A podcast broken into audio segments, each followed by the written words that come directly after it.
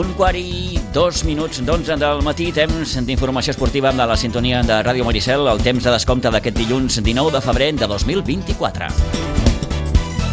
que ens deixa alguns titulars interessants i importants de cara al que pot ser la resolució final, per exemple, a la Lliga de Tercera Catalana de Futbol, perquè la victòria del Sitges B dissabte 2 a 1 al Municipal d'Aiguadols contra el Piera li dona o li atorga una altra dimensió a aquesta lliga. Mm, el Sitges B ens ho deia el passat divendres el seu segon entrenador, Joey Portillo, no renuncia a la lliga. Vaja, mm, la victòria contra el Piera certifica aquestes paraules del segon entrenador i veurem què passa aquest proper dissabte al camp del Ribes. Ribes Sitges B, un dels partits destacadíssims de la jornada al grup 13 de tercera catalana. Mm, està tot molt apretat a la part alta de la classificació i el Sitges que, repetim, no renuncia encara no ha dit la seva darrera paraula per endur-se el títol de Lliga. Això a tercera catalana. Primera catalana amb el Sitges, el primer equip del Sitges eh, que va empatar 1 a 1 al camp del Prat B. Eh, va començar el partit molt bé perquè al minut 2 Jota feia el 0 a 1 i el Prat B, que va jugar amb un home menys des del minut 51, va poder igualar al minut 27. Per tant, un punt més que suma el conjunt de Toni Salido en aquesta lliga, tenint en compte el que li ve ara, partit amb el Sant Feliu, un Sant Feliu que ha anat de menys a més aquesta temporada, després visita el camp del Sarrià i compta perquè el 9 de març ve aquí el Vilanova, un Vilanova que ahir va patir més del compte, però que va poder sumar tres nous punts que el certifiquen com a gran favorit i per ser, per tant, l'any vinent a la Lliga Elite. Farem repàs de la jornada futbolística, d'aquí uns moments repassarem també el gruix de la jornada en matèria de futbol base. En bàsquet els eh, destacarem la derrota a la pròrroga del bàsquet Sitges, que va perdre 61-62 aquí a casa contra el bàsquet Molins. Recordarem que el primer equip del Club Patí Subur Sitges no va jugar, tenia ajornat el seu partit amb el Calafell, però atenció perquè aquest divendres tenim un interessant Sitges Ribes al pavelló de Pinsbens. Tampoc va jugar amb el Rugby Club Sitges, no va jugar perquè no tenia suficients jugadors per al partit que havia de jugar al camp de l'Andorra, al camp del líder i gran favorit, per altra banda, per endur-se el títol de campió de Catalunya. Eh, això, doncs, són aquelles coses, no? com que no fas eh, l'ajornament eh, durant el període que toca, et sancionen, et donen el partit per perdut i a sobre eh, et penalitzen amb dos punts. Per tant, eh, la situació del Rugby Club Sitges ara mateix no convida a pensar que l'equip eh, doncs, podrà lluitar en aquesta temporada per ser eh, campió de, de Catalunya. 10 i 19, tot això i més des d'ara i fins les 11.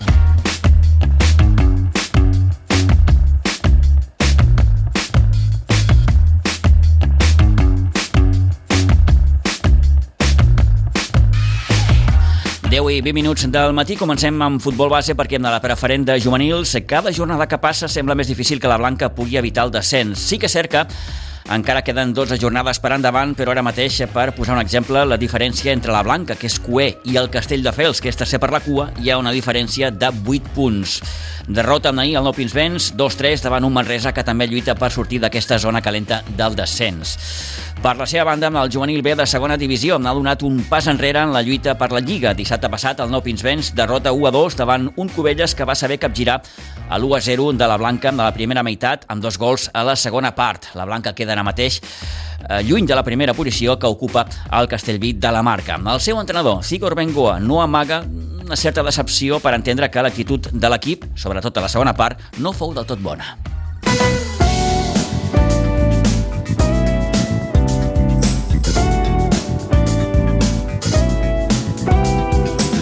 Bé, doncs ara sí escoltem les paraules de Sigor Bengoa després d'aquesta derrota de l'equip 1-2 amb el Cubelles.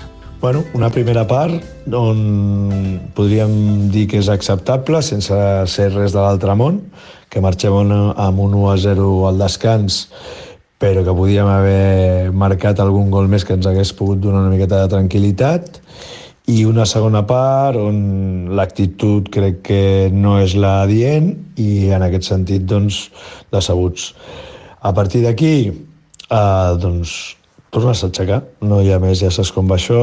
Eh, nosaltres també i, bueno, mirarem de, de tornar a posar-nos en, el, en el nostre carril, que no hi ha més, i, i amb ganes de, de que arribi el proper partit per treure'ns aquest mal gust.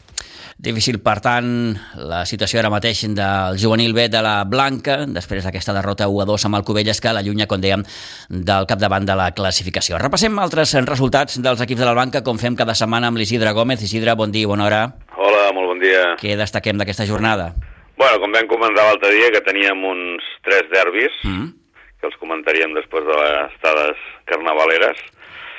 Mira, tenim un brancadet, un infantil i l'Evins. I mira, Tenim que en categoria cadet, que tots, tots tres partits es van jugar al municipal d'Aiguadols, en categoria cadet els Sitges va 2, Blanca Subur 8, en categoria infantil eh, Sitges 4, Blanca Subur 1, i en categoria Lewin sub 12, Sitges 2, Blanca 4. O sigui que tenim un, un resultat de 1 a 2 a favor de la Blanca després d'aquest carnaval que suposo que aquest carnaval també ha passat factura amb els, amb els dos juvenils, perquè tots dos tenien una primera part una mica el partit encarat i després va anar la cosa cap avall. Sí, sí, especialment el juvenil A, Isidre, que va marcar molt d'hora el primer minut de, de, de, de partit. Exacte, i, això et donava ja una mica d'esperança, de, però bueno, aquests, a més el Manresa és un equip que eh, també està per allà,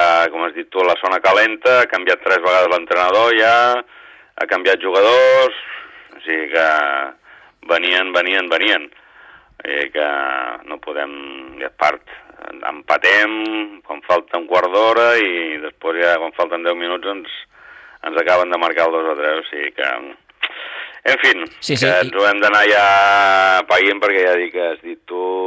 Sí, va, sí, sí, mirant, estàvem eh, la classificació... Mm. Estem a tres partits de la zona de salvació. Sí, sí, el Castelldefels, sí. que és tercer per la cua, té 8 punts més, per tant, mm, sí, és, és, és complicada ara mateix la, la, la situació i poder pensar que l'equip eh, sí que queden encara totes les jornades per endavant, com dèiem també, eh? però, però mm, la dinàmica també et porta una miqueta doncs, a situacions com la del partit d'ahir, no? que, que, ostres, que sembla que el tens ben encarat, se't posen per davant, empates i al final doncs t'acaben marcant el tercer.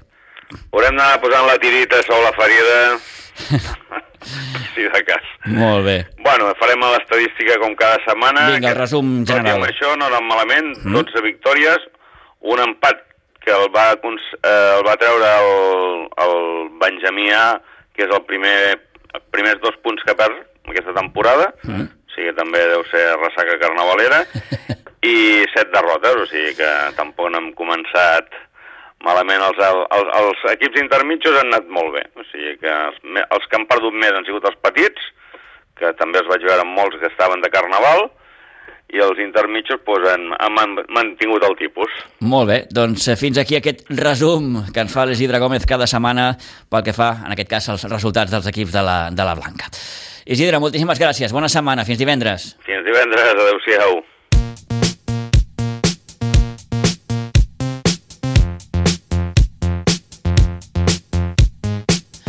10 i 25 de la jornada també destaquem, per exemple, la victòria del juvenil C de la Unió Esportiva Sitges, triomf important per 2 a 3 al camp de l'Atlètic Vilafranca per conservar una setmana més el liderat en una classificació que està apretadíssima. El Sitges líder, 41 punts, Vilanova segon, 40 i Ribes tercer amb 39. Per tant, més igualtat impossible en aquesta segona divisió de juvenils. I també important la victòria del cadeta de preferent que es va imposar per 1 a 0 a l'Escola Valls Futbol, al municipal d'Iguadols, 3 punts que el fan sortir ara mateix de la zona de descens.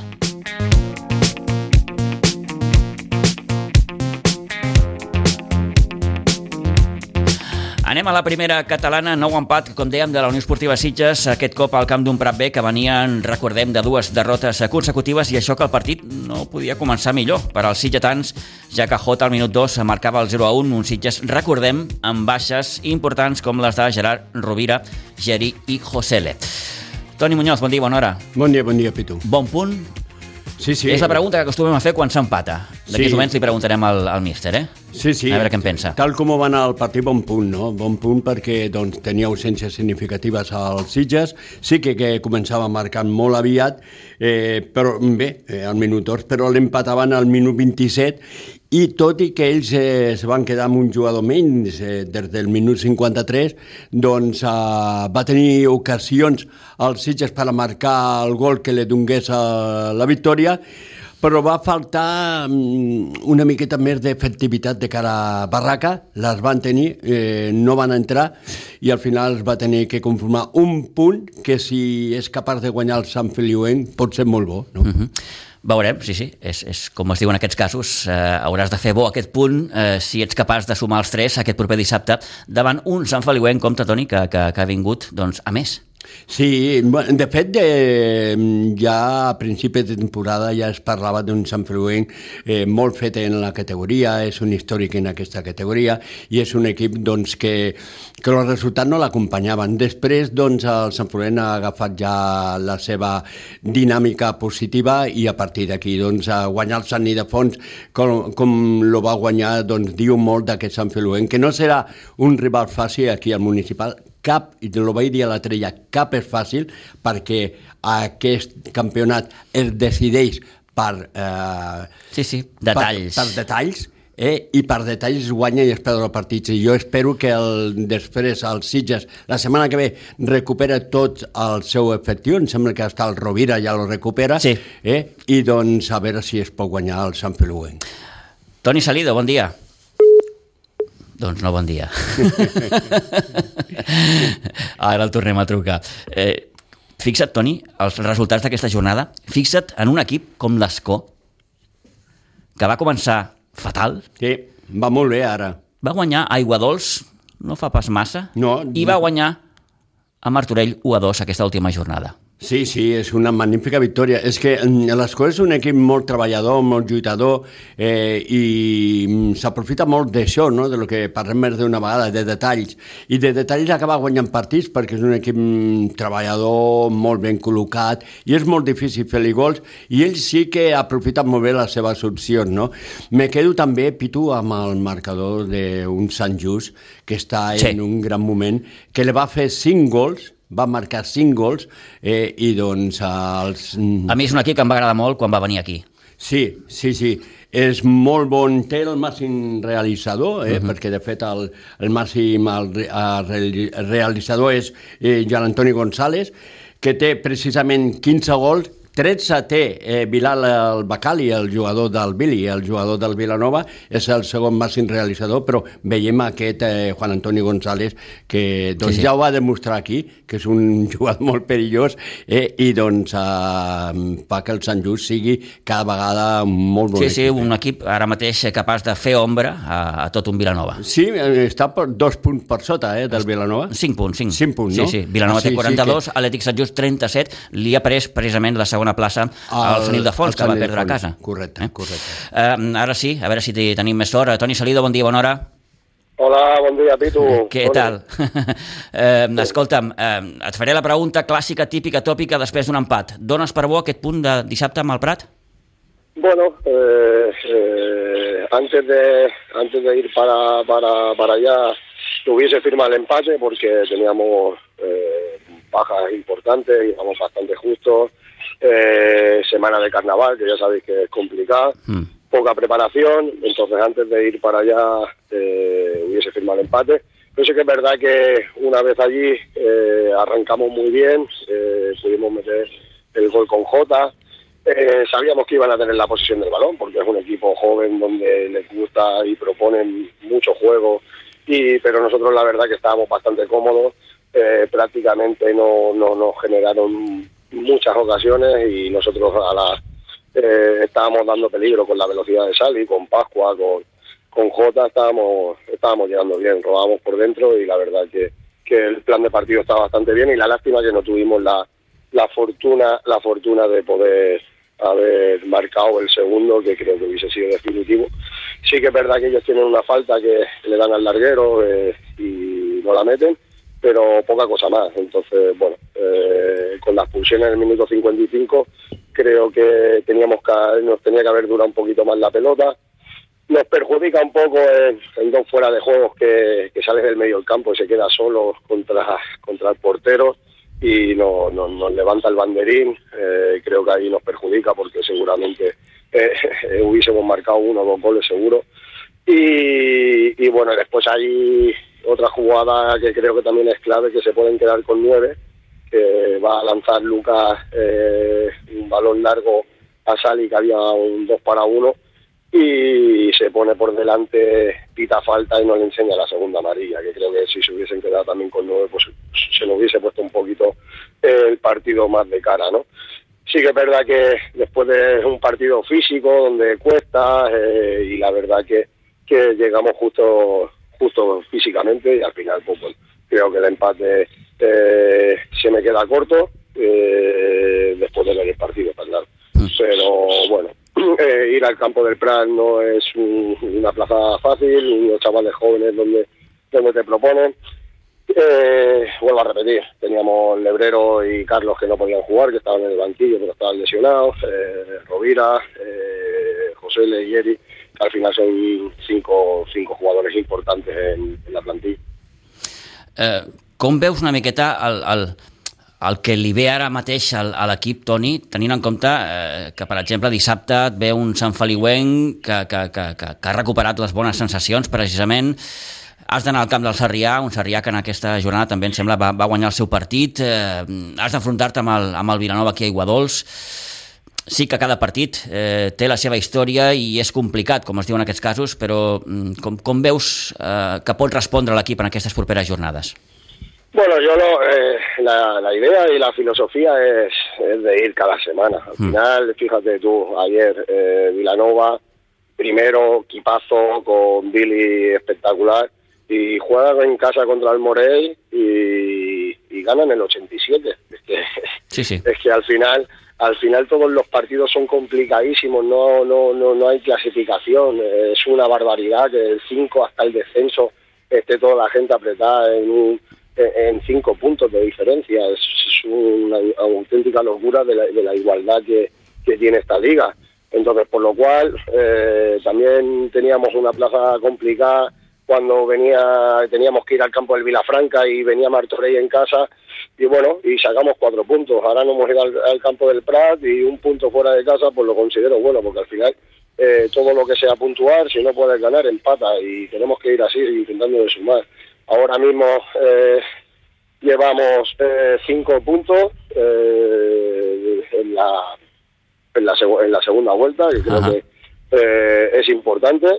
Y, la idea es de ir cada semana a preparar a la San Felipe, que ya me, o sea, tengo muy buen recuerdo del partido de ida, que tuvimos que trabajar mucho y ganamos 0-1 allí. Eh, creo que vienen de otra manera, con una dinámica mucho mejor que, la, la, esperaba, porque al final San Felipe estaba hecho para, para poder ir a Liga Élite, eh, tuvo un arranque malo y eso es lo que la ha penalizado, pero no es un, es un clásico de la primera catalana, es un clásico de, de, de del fútbol catalán y al final eh, creo que es un rival muy duro y lo vamos a tener que, eh, que, preparar muy bien y hacerlo muy bien en Ecuador si queremos sacar algún punto y más de, de, que vienen como vienen, ¿no? Pero que al final nosotros tenemos que, hacernos fuertes en casa, sobre todo en casa, hacernos muy fuertes, que, que, que, que lo pasen mal los equipos que, que vengan, que y, y al final, eh, lo dicho, ¿no? O sea, pensar solamente en San Felipe y ya después vendrá Sarriá y ya después vendrá Vilanova. Uh -huh. Al final ahora toca esto y la filosofía tiene que ser esa, intentar de llegar al objetivo de 40 puntos lo antes posible y a partir de allí ya veremos. Doncs us falten 15. Sí, sí, sí, no estamos tan lejos. Uh, no. La verdad que no estamos tan lejos. Eh, pero ese es el primer objetivo que hay, intentar de, de buscar los 40 puntos lo antes posible y, y estar tranquilos y seguir creciendo, eh, seguir, eh, bueno, al final lo que lo que toca, ¿no? De que el Siche se acomode en la categoría, de que, de que el Siche sea un referente dentro de, de, de unos cuantos años en primera catalana y, o más arriba i a partir d'aquí, pues, pasito a paso. Eh, tens la sensació, no sé, no sé si agosarada o no, Toni, que eh, potser a aquestes alçades l'equip podria estar una mica millor a nivell de classificació, sí. em refereixo, eh? Bueno, o peor.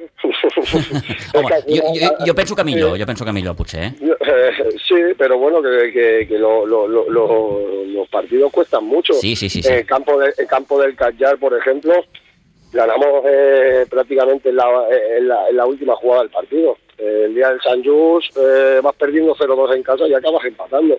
Bueno, sí que es verdad que creo que, que el día del Morey en su casa teníamos que haber hecho algo más, sé que en algún partido podíamos haber hecho algo más, pero que nosotros tenemos buen equipo, pero los demás también lo tienen. Y es muy son, partidos muy chulos, muy tensos, porque al final eh, cualquier cualquier cosa que pasa eh, en, el, el juego, en el lance o algún la decisión arbitral se te va la balanza para un lado o para otro. O sea, lo raro es ver el resultado de San Jus esta semana, que no la vio. O sea, lo siempre tiene que haber alguna cosa, de, alguna desconexión o alguna o alguna cosa para tener un resultado tan abultado, porque ya lo estamos viendo, muchos empates, muchos resultados muy justos, de 2-1, 1-0, eh, bueno, esa es la igualdad y la verdad que que, que és molt xula la categoria. Molt bé.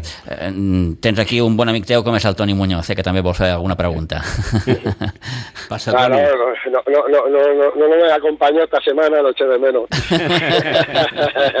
jo, jo també, jo també, jo també, però mm, no vaig poder... No podemos estar en todos lados. No, no, no. no. Nuestro no. Señor todavía no nos ha dado ese, ese, ese don. A tot arreu no. Eh, feies, eh, feies ara tu una miqueta de resum de, de, de, de la igualtat que té aquesta categoria, que jo sempre he dit que aquí es guanyen els partits per detalls, eh? més que res. Sí, sí. I me quedo eh, amb un marcador que potser tu no l'has anomenat ara, però a mi em sota molt aquest 3 a 0 del Callà al Tortosa, eh? Bueno, es que fíjate tú cuando fuimos al campo del Callar, que tú sí que estuviste ahí en, sí, el, en, en, el campo. Sí, es que sí. Eh, ir, ir, irte a, a, los campos de, de Tarragona, eh, de, eh, por el Ebro, son muy complicados son muy complicados. El día del Kayak, con el aire que hacía, eh, eh, eran partidos que son muy difíciles de sacar. Lo que sí, que a priori parece, porque ves la clasificación, pero es que Kayak tiene buen equipo. La Gornal te, te, tiene buen equipo, te propone. Morey, eh, sí. para mí creo que es el equipo que, que, que, Pero mira, ahí va sumando puntos. I van patir ah. nosaltres allà, i van patir. Eh? Y, eh. y, y, la sacamos en la última. En la última, correcta, correcta. Eh, o sea, eh, Vilanova ayer gana en el 87, siendo el líder de la categoría. Eh, todos los equipos cuestan. Eh, todos los equipos cuestan y eso sí que es verdad. Los detalles son lo que marca la diferencia. Tener jugadores determinantes como como el del San Just o, o, como el Billy, pues te marca la, marca la diferencia en partidos que no estás del todo bien, pero pero te salen. Entonces, bueno, eh, esto, son, esto es la, la liga esta tan chula que han hecho. Sí que es verdad que igual puede ser que haya menos nivel que la antigua primera catalana, pero al final todos los equipos, eh, o sea, juegas contra el primero y le puedes ganar. Cosa que en otras categorías pues no pasa. Sí, sí. Entonces, tú juegas contra el primero y lo más normal es que palmes 3-0 o 4-0. Pero aquí no. Aquí tú juegas contra el primero y tú vas a tener tus fases de partido para ganar el partido. Y si estás en esas fases tuyas buenas para que, que, las metes y estás mejor, acabas llevando el encuentro. Entonces todo el mundo tiene sus fases, tiene sus ratos, eh, hay ratos donde tienes que pasarlo mal y tienes que defender y, y hay ratos donde, bueno, tienes el dominio, tienes empiezas a generar ocasiones y ahí tienes que ser efectivo e intentar de matar los partidos. Eh, pero por todo lo demás muy contento, muy contento porque creo que el equipo rinde, creo que el equipo compite, eh, creo que cuando eh, pueden haber dudas, vuelven a salir estos chavales, entonces por lo cual, eh, la verdad que hasta el dia de hoy eh, muy contento. Eh, Toni, et faig, et faig l'última. Eh, què t'està semblant al campionat que està fent el, el filial? Eh, la victòria de l'altre dia 2 a 1 amb el Piera, que, que, que, que fa que, que, que no renunciï a poder competir per la Lliga.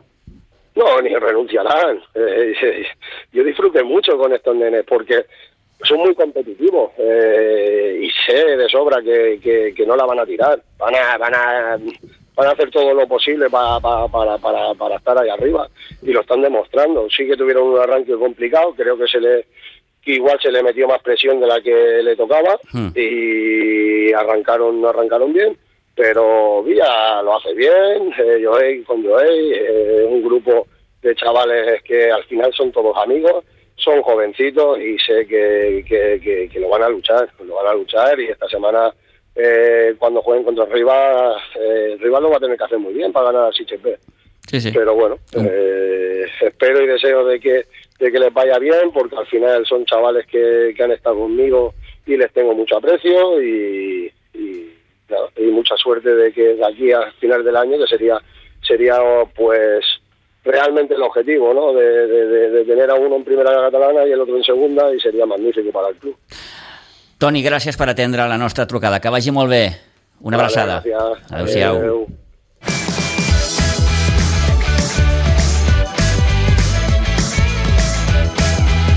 Toni Salido, entrenador de la Unió Esportiva Sitges, fent balanç, per tant, ja no només d'aquest empat a un al camp del Prat B, sinó de com està veient el campionat, d'aquesta igualtat, sí que és cert, amb això, Toni, que punt amunt, punt avall, mm, et veus a dalt, però et veus a baix, eh? Sí, sí, sí. Si sí, descuides. Sí, sí, és, estic totalment d'acord amb el que ha dit, que potser no té tanta qualitat com tenia abans aquest grup, però sí que té molta igualtat i això és el que fa atractiu els partits perquè fins al darrer sospir no saps quin guanya o quin perd.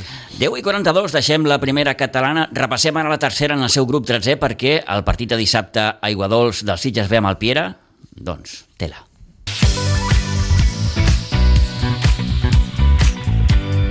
I és evident que el filial de la Unió Esportiva Sitges no vol renunciar a aquesta lliga. Ens ho deia el seu segon entrenador el passat divendres i també ens ho diu aquesta victòria de dissabte a Iguadols davant el líder. Triomf per 2 a 1 davant el Piera, Toni, eh, molt bona primera meitat, mm en què l'equip eh, marxa amb un 2 a 0 sí, i sí. encara amb, amb, amb ah, possibilitat d'haver ampliat aquest, aquest marcador. Mm. Sí que és cert que el Piera li va donar una certa emoció amb el penal que va transformar a la part final del partit, eh, però, vaja, és més Sitges que no pas Piera.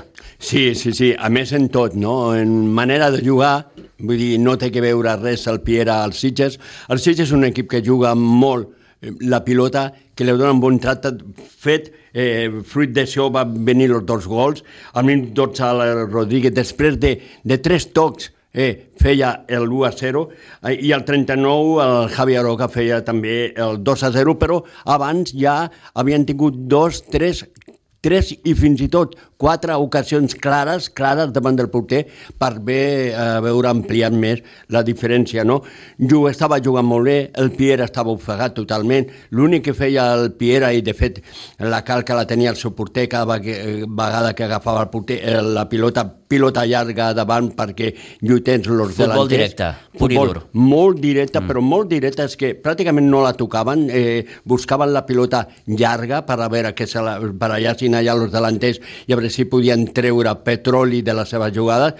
El Sitges molt ben col·locat, un Sitges me va agradar molt, tant la primera com la segona, potser més la primera perquè doncs allà li va donar bon tracte a la pilota, jugant per les bandes, buscant a la roca, eh, molt bé doncs el Sitges a primera part, la segona va patir una miqueta degut a aquest penal inexistent, perquè no el va veure me, ningú més que l'àrbitre. Jo penso que l'àrbitre va descantar una miqueta, va deixar moltes cosetes al Piera i no tantes als Sitges, però en línies generals, en gran partit, mm, quan va acabar el partit jo mm, ni me recordava que eh, tres dies abans eh, o quatre dies aquí havia sigut el Carnaval perquè doncs, eh, si mires el partit no pot ser, eh, si nanos que van sortir en el Carnaval estan jugant aquí és impressionant perquè ho van donar tot. I ja ens ho deia el Joey quan li vam preguntar el divendres si li preocupava en certa manera aquest aspecte, no? el fet de que el partit ve després del Carnaval, que això ja és un tòpic, però bé, mmm, vaja, com, com, com apunta el Toni, res de res, no es va notar ni, ni, ni por asomo el fet que fa quatre dies aquí celebràvem el, el Carnaval. L'entrenador dels Sitges, Àlex Villalgordo, que no podia amagar, òbviament, la seva satisfacció per la victòria, però sobretot, sobretot perquè tot ell creia que havia sortit com s'havia preparat al llarg de la setmana. Sí, la veritat que, que estic molt content. Eh, les meves paraules a la mitja part ha sigut eh, xapó, perquè tot el que havien treballat durant la setmana, planificat, eh, ho han dut a terme de manera excel·lent. Jo crec, recordo un xut creuat d'ells a la primera part, res més, i recordo quatre, a part dels gols, dues ocasions més molt clares, a part d'un xut de, de Gerard Creuat, així que podíem haver marxat amb més, però és, està molt bé, és un, un equipàs, el Piera ha jugat molt bé, eh, hem fet que siguin pitjors de, del que en realitat són i, i això té molt de mèrit. Sí, realment és això, perquè la primera part no l'han rascat. L'únic que buscaven ells, pilotes llargues, el Sitges estava molt ben col·locat i el que movia la pilota era el Sitges. Sí, ells han vingut amb una proposta valent sense pilota perquè ens han apretat, ens han igualat, igualat un a un en defensa, nosaltres ens hem vist, vist obligats a jugar moltes vegades en llarg, però ens hem sentit còmodes, hem guanyat les primeres jugades, hem guanyat les segones jugades i després quan podíem tenir la pilota doncs, els meus jugadors han estat amb, amb molta personalitat, eh, que és el que sempre els demano, que no tinguin por a perdre, que no tinguin vergonya, que, que juguin com saben que s'ha de disfrutar i ho han fet molt bé, la veritat. I ells no, no, han, no han aconseguit o no els hem deixat eh, fer el seu estil de joc, que també és tenir la pilota. Finalment ells han marcat i han marcat de penal i un penal que no sé, jo des de la meva des del meu joc per mi era mm, qüestionable eh?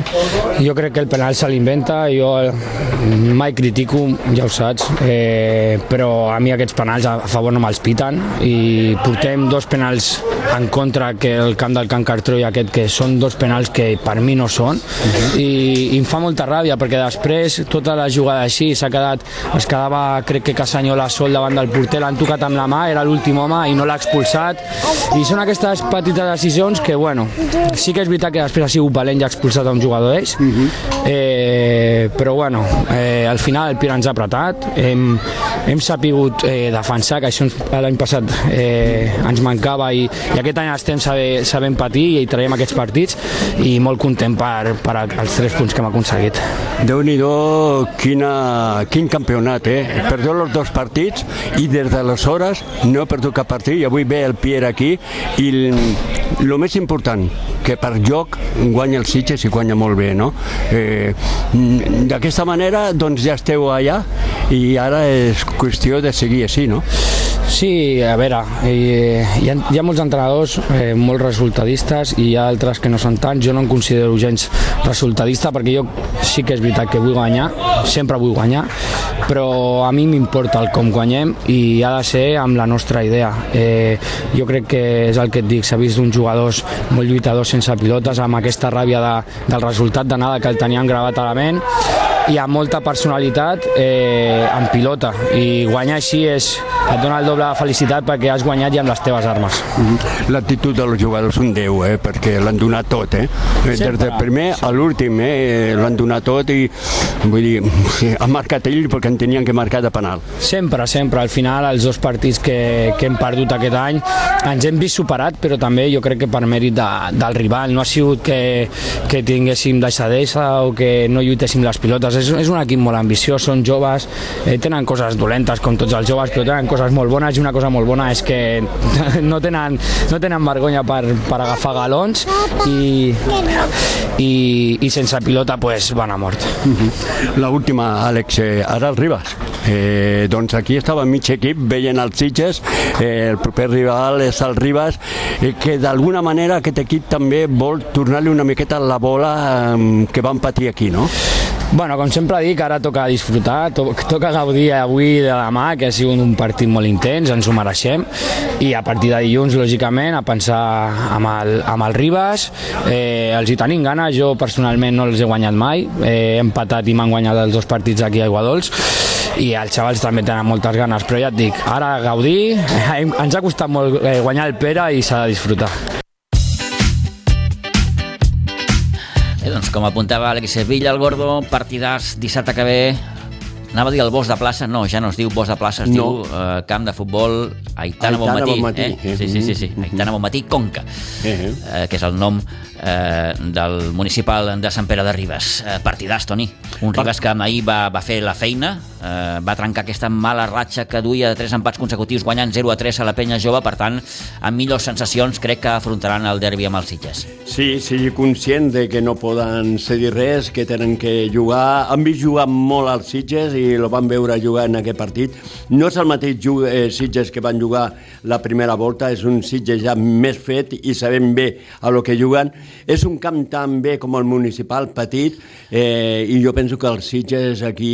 Jo estic convençut i espero no equivocar-me crec que el Sitges guanyarà. Sempre guanyarà deies, eh, abans d'aquests dos partits, Piera i Ribas, que eh, tu tenies la sensació de que veies més factible guanyar a Ribas que no aquí amb el Piera. Sí, sí, per això guanyar aquí a Piera per mi era sensacional, perquè jo, per mi, és més fàcil pel Sitges guanyar a Ribas, perquè és el Ribas el que té que portar la iniciativa del partit i el Sitges a la contra li pot fer molt de mal, i si juga tan seriós defensivament, eh, doncs com ha jugat amb el Piera, mm, ve un rival, el Sitges, molt complicat pel, pel Ribas, i espero que el Sitges pugui guanyar aquest partit. Resultats destacats d'aquesta jornada del grup 13 de tercera catalana, Fàtima 2, Canyelles 1, la Múnia 2, Base Espirall 3, l'Olivella 3, Riu de Villes 1 i com dèiem en el derbi jugat ahir Penya Jove 0, Ribas 3, això fa que la classificació ara mateix l'encapçali el Fàtima amb 42 punts, seguit el Piera amb 41, Ribas amb 40 i el Sitges B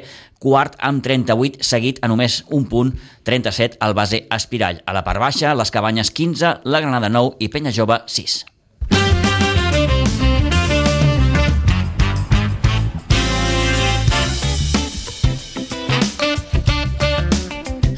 10 i 52, anem al bàsquet. Derrota del bàsquet Sitges el passat dissabte fins vents. Són el bàsquet Molins es va acabar imposant 61-62 després d'una pròrroga en la que Nacho Velasco, amb un darrer llançament, va tenir l'oportunitat de donar-li la victòria als sitgetans, però la pilota, com es diu en aquests casos, va acabar fent la corbata i el triomf se'l van com dèiem, un bàsquet Molins que va tenir en Oriol Rosa el seu millor home i màxim anotador del partit amb un total de 22 punts. Gran jugador. Una baixa de darrera hora, ja que durant l'escalfament Ivan Ramírez va acabar amb problemes físics, el partit que anava al descans amb un 29-28 favorable als Sitges i un tercer quart en què el bàsquet de Sitges va agafar rendes eh, d'entre 6-8 punts que el posaven amb un 48-43 a la fi del tercer període. Parcial de 7-12 en el darrer quart que duia el partit a la pròrroga amb l'empat a 5 a 55. Eh, en acabar una pròrroga amb parcial favorable en aquest cas al Molins amb un 6 a 7 que li donava la victòria 61 a 62. Sensació, per tant, en acabar de frustració per a un bàsquet Sitges que perdia amb el seu quart partit a casa. Edu Pinheiro reconeixia en acabar que se sentia fastiguejat per aquesta derrota i perquè l'equip no havia estat tan bé com en els anteriors partits. ha sido un partido, bueno, lo sabíamos que va a ser duro, como el día del Monjus. Lo estábamos hablando durante toda la semana. Bueno, hemos perdido, ya está, ha salido lástima la canasta. Eh, al final del, partido también hemos tenido la última opción, ahora hemos tenido la última opción. Bueno, eh, nos hemos ido de cuatro, dos canastas de falta y, esto. Bueno, no hemos estado lo mismo que los, los anteriores tres partidos de, de Liga. O sea, bueno, no sé si el carnaval o lo que sea, pero bueno. Decebut, emprenyat? Bueno, es aprendizaje, o sea, es algo que te fastidia perder, ¿no? O sea, estás ahí luchando para, para, para estar ahí arriba y, y, bueno, y al final pues, pues no lo consigues, o sea que te, te quedas un poco chof, normal. A l'equip li ha costat una altra vegada entrar en sí, dinàmica de partit. Sí, sí. Y luego hemos vivido un momento que nos hemos ido de 8 y tal, y en vez de coger y, y venga, y otra vez igual lo mismo, ya parece que ya está todo solucionado, abusamos hoy, otra vez hemos abusado del tiro, del tiro exterior, eh, eh cuando hemos movido el balón hay opciones claras tanto interior como exterior y, y bueno... Mmm no se puede hacer más. En defensa hemos estado, pero momentos que bien, otros que mal, y, y bueno, sabiendo lo, lo, que estábamos hablando de cada jugador, de lo que hacen, no? Potser la clau és no haver sabut mm, portar al teu terreny aquests 6-8 punts d'avantatge que tenies al tercer període, ¿no? Pero es que esto, esto, es lo que nos está ocurriendo durante toda la temporada, uh -huh. que cuando tenemos 8 o 10 puntos por delante, eh, zasca, o sea, piden un tiempo muerto, final de periodo, y todas estas cosas, y, hey, y además lo decimos, lo decimos antes del partido, lo decimos durante los entrenamientos, lo decimos cuando hay el tiempo muerto, y tío, vamos a estar concentrados que damos esa ventaja que van a salir y tal, que es normal, o sea, cuando mm, igualmente lo, lo, ocurre de que a lo mejor me están metiendo 8 de 10, que lo he pedido, y, y coges y pides un tiempo muerto para intentar cambiar un poco la, la dinámica, ¿no? Pero bueno, más de lo mismo. Bueno. Malgrat tot, te'n vas a la pròrroga i la pròrroga aquesta última cistella del Nacho que... Vaja. Y aparte nos habíamos ido de cuatro, es que Es igual, ya está, ha salido cruz y, y nada, seguir trabajando. quedan, quedan muchos partidos, queda toda una segunda vuelta y, y, estamos ahí. O sea, lo importante es que estamos ahí luchando. ¿Que fastidia? Pues bueno, que, porque no quieres bajar para abajo, ¿no? O sea, y quieres... encara més a casa. Es que de estos últimos cuatro partidos solo hemos ganado uno y, y duele. Y duele duele que todo sea en casa, que había... ¿Es una casualidad? ¿Hay alguna explicación? No sé, no lo sé. Luego vas fuera y juegas de otra forma, eh, más motivado, aquí parece que hemos salido momentos buenos y luego por los momentos esos, y es un equipo de Copa, o sea, el año pasado estos estaban en Copa, o sea que, joder, que saben jugar, saben eh, aguantar el partido, son inteligentes y bueno, un poco todo. Pero bueno, eh, contento y a seguir trabajando, la semana que viene hay otro partido duro, el Vals y, y a seguir. Amb alguna cosa bona avui, Edu? Nada, bueno, que hemos estado ahí, hemos luchado la prórroga, hemos estado, uh, hemos tenido dos opciones y al final no ha podido ser. Saber leer cuando vamos ahí por delante del, del, del, del partido, pues intentar aguantarlo.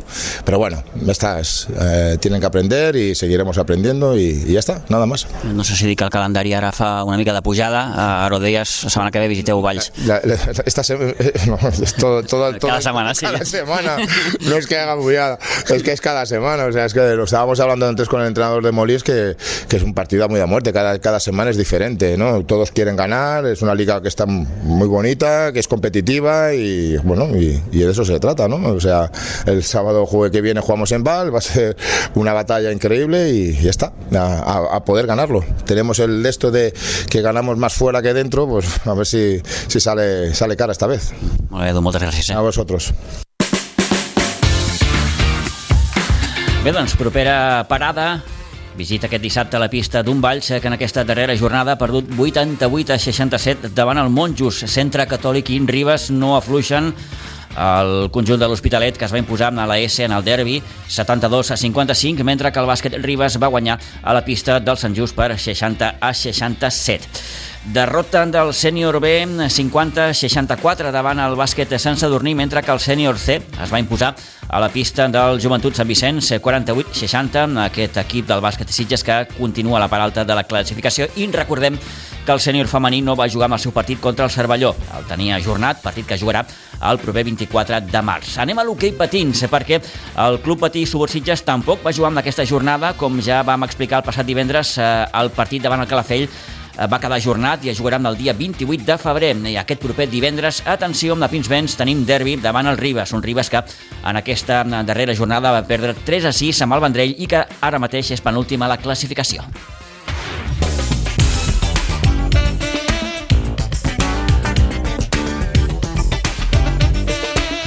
Entrem ja en la recta final d'aquest temps de descompte i posem una mica de poliesportiu a la divisió d'honor catalana del rugby. El Rugby Club Sitges tampoc va disputar amb el seu partit amb l'Andorra per manca d'efectius. En aquest cas, si el no haver ajornat el partit al seu degut temps, el partit es donarà com a perdut i a sobre sigui penalitzat amb la pèrdua de dos punts. Difícil ara mateix eh, pensar que el Rugby Club Sitges es pugui classificar entre els quatre primers per disputar la fase final i lluitar pel títol. Tot passa d'entrada per guanyar sí o sí aquest proper dissabte al Barça, al nou Santa Bàrbara.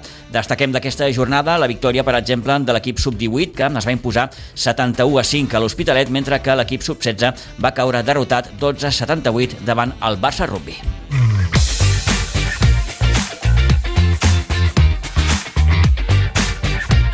I en futbol sala, en partit de la tretzena jornada amb la segona divisió, el primer equip del futbol sala Sitges que va patir una dura derrota per 11-0 contra el futbol sala Sant Boi i els sitgetans amb 7 punts són coers i se'ls complica una miqueta més la permanència, si cal. L'equip femení, en canvi, va sumar un important triomf a Viladecans, on es va imposar per 1 a 3 a l'Atlètic Torre Roja. En parlem de tot plegat amb en Joel Lozada, que el tenim ja al telèfon. Joel, bon dia, bona hora. Bon dia, Pitu. Dura derrota, 11-0. Què va passar?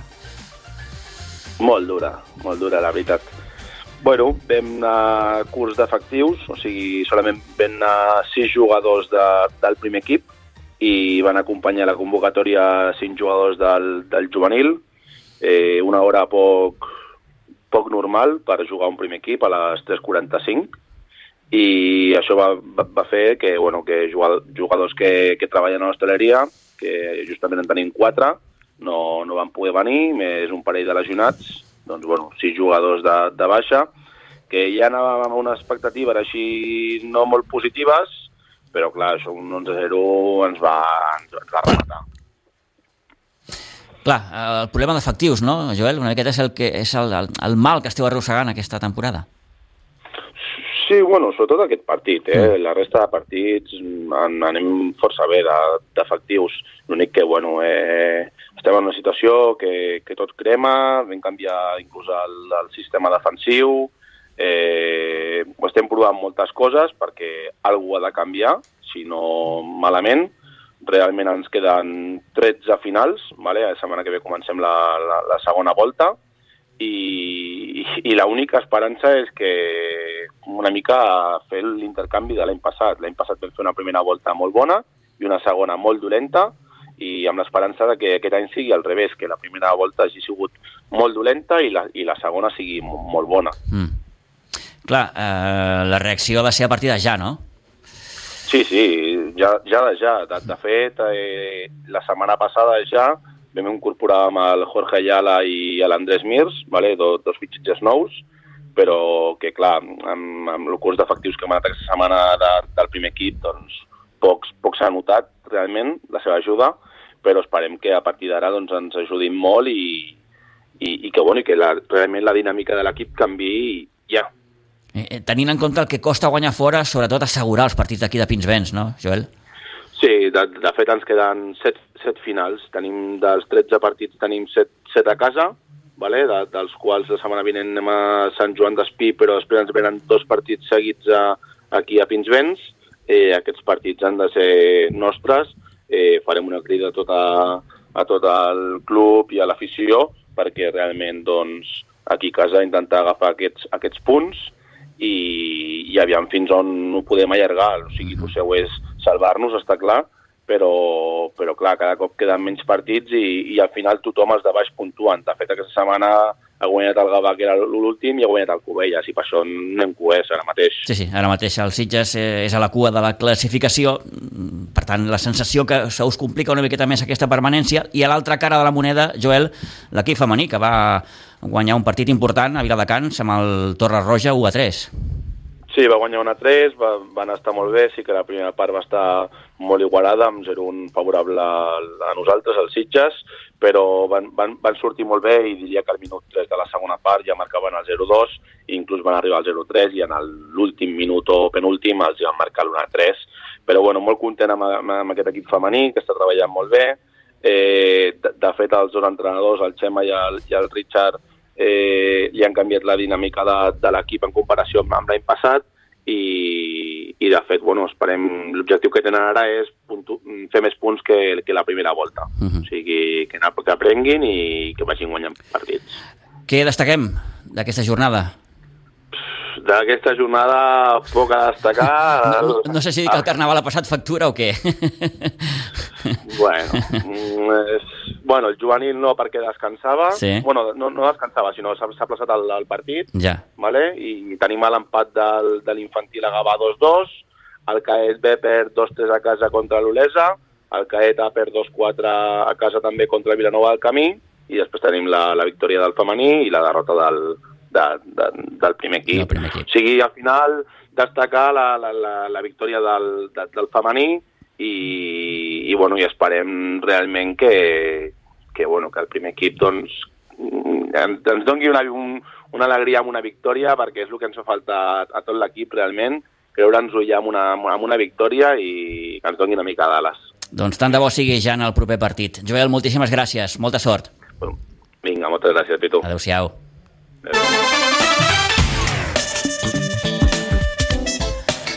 Bé, doncs a veure si venen millors temps per al primer equip masculí del futbol sala Sitges. Fins aquí el nostre temps de descompte d'aquest 19 de febrer.